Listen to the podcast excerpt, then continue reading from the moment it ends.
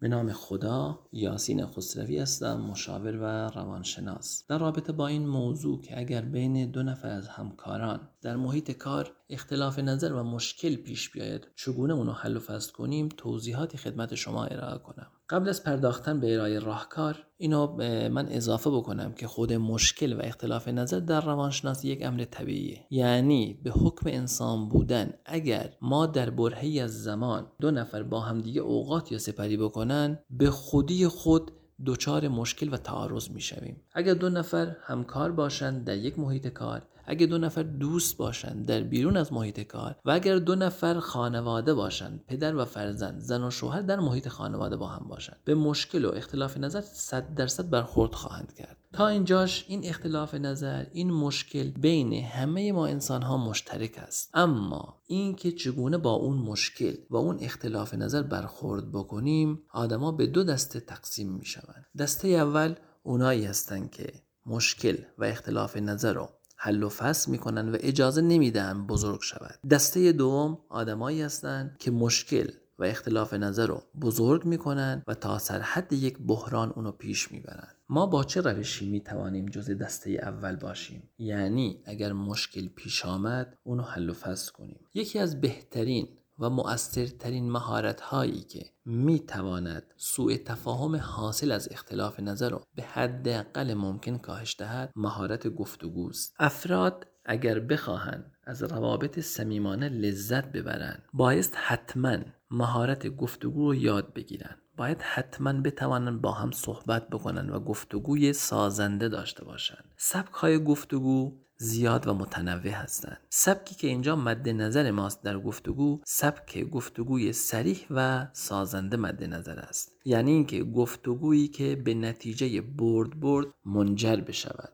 گفتگویی که حالت منفعلانه یا مهاجمانه داشته باشد در اینجا مورد قبول نیست. گفتگوهای منفعل و مهاجم گفتگوهایی هستند که با تنه پرخاشگری و کنایه زدن قصد بیان کردن مسئله را دارند. که علاوه بر اینکه سازنده نیستن ممکن است به مراتب مسئله و مشکل رو بیشتر و حادتر کنند اما گفتگوی سریح چیست؟ وقتی می‌گوییم بایستی شخص از گفتگوی سریع استفاده کند به چه چیزی می‌خواهیم اشاره بکنیم؟ در گفتگوی سریع فرد بدون ترس یا رفتار پرخاشگرانه احساسات، خواسته ها و افکار خود را بیان می کند. در واقع ما در حالت انفعالی به سر نمی‌بریم. و نمی‌گذاریم دیگران از ما در این قالب گفتگو سوء استفاده بکنند و از سوی دیگر با گوش دادن به نیازهای دیگران و خواسته های دیگران آنها را بهتر می‌شناسیم و سعی می‌کنیم خود را به نحوی معقول با آنها تطبیق دهیم.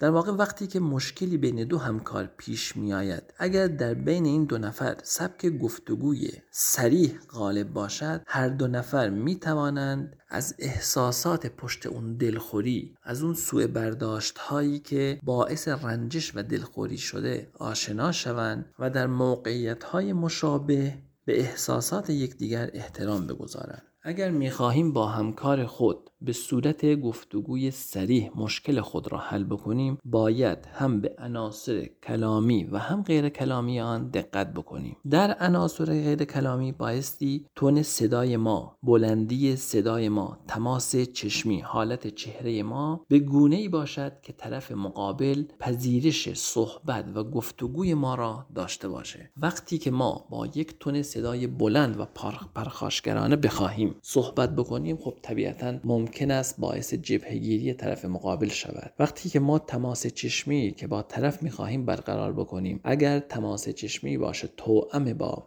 نگاه های تند و تیز باشد ممکن است شخص مقابل به این فکر بکند که ما نمی‌خواهیم مشکل و حل و فصل بکنیم. پس بایستی ما حتما در حالت چهرمون یک حالت دوستانه به خود بگیرد تا شخص مقابل کامل پذیرای این صحبت و گفتگوی ما باشد. اما اگر در بحث کلامی هم بخوایم به موارد اشاره بکنیم بایستی ما بتونیم از بهترین کلمات استفاده بکنیم. یعنی سعی ما بر این باشد اگر شخص حالت دفاعی هم داشته باشد و حالت تدافعی داشته باشد با کلمات مناسب می توانیم حالت دفاع شخص را بشکنیم و نسبت به اینکه مسئله را می‌خواهیم حل و فصل کنیم پذیرش را در اون شخص بالا ببریم. استفاده از بهترین جملات. علاوه بر اینکه کلمات باید کلمات مناسبی باشد جملات ما هم نیست بایستی جملات مناسبی باشند. در جملات مناسب وقتی که از کلمه من در جملات خود استفاده می کنیم به شخص این اطمینان خواهیم داد که ما در واقع پذیرای تمام رفتارهای خود هستیم. مسئولیت تمام رفتارهای خود را قبول می کنیم به حالتی صحبت نمی کنیم که توپو در زمین طرف بندازیم و شخص فکر بکند از این گفتگو ما می‌خواهیم این بهره رو ببریم که می‌خواهیم در واقع به ایشون اینو القا بکنیم که مشکل از طرف شماست. وقتی که من با کلمه من می‌دونم شما مثلا در این موضوع ناراحت هستی در واقع با کلمه من مسئولیت گفته های خود را قبول به فرد مقابل اطمینان خاطر بیشتری می دهید گفتگو باید در زمان مناسبی اتفاق بیفتد. یعنی گفتگوی سازنده و سریع بایستی در بهترین زمان باشد. شما تصور بکنید با شخصی می‌خواهید مشکل خود را حل بکنید و در یک زمان نامناسب می‌خواهید گفتگو بکنید. یعنی موقعی که این شخص از یک موضوع دیگر ناراحت است. یعنی اینکه ممکن است در زمانی اتفاق بیفته که این شخص درگیری داشته باشد. ممکن ممکن است در زمانی اتفاق بیفتد این گفتگو که شخص خسته است و شب را نخوابیده است. خب طبیعتا وقتی که حالات روحی یک شخص در حالات نرمال نباشد شما نمی‌تونید از این گفتگوی خود نتیجه گیری لازم رو ببرید و بهره لازم رو کسب بکنید. پس بایستی قبل از اینکه اقدام به بحث و گفتگو بکنیم حتما اون زمانم در نظر بگیریم که این شخص پذیرای این صحبت است و حالات روحی خوبی دارد. مورد بعدی مکان مناسب است. شما اگر می‌خواهی مسئله رو با همکار خود